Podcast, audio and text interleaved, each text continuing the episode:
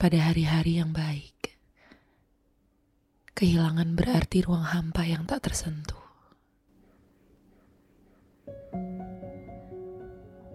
Tak dingin, tak juga hangat.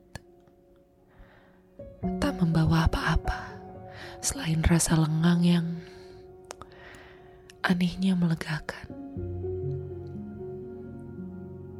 Kehilangan tak membuat kita berhenti oleh karena terjadinya. Lalu perlahan-lahan kita memasuki sudut-sudut yang lebih kelam.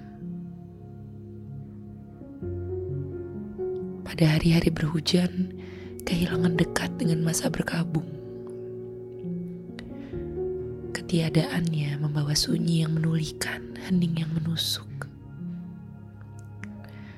Kau tak berhenti hidup, dan waktu tak berhenti untukmu. Berjalan tergesa, lari dari pemahaman akan hari-hari lampau dan masa silam yang telah lewat.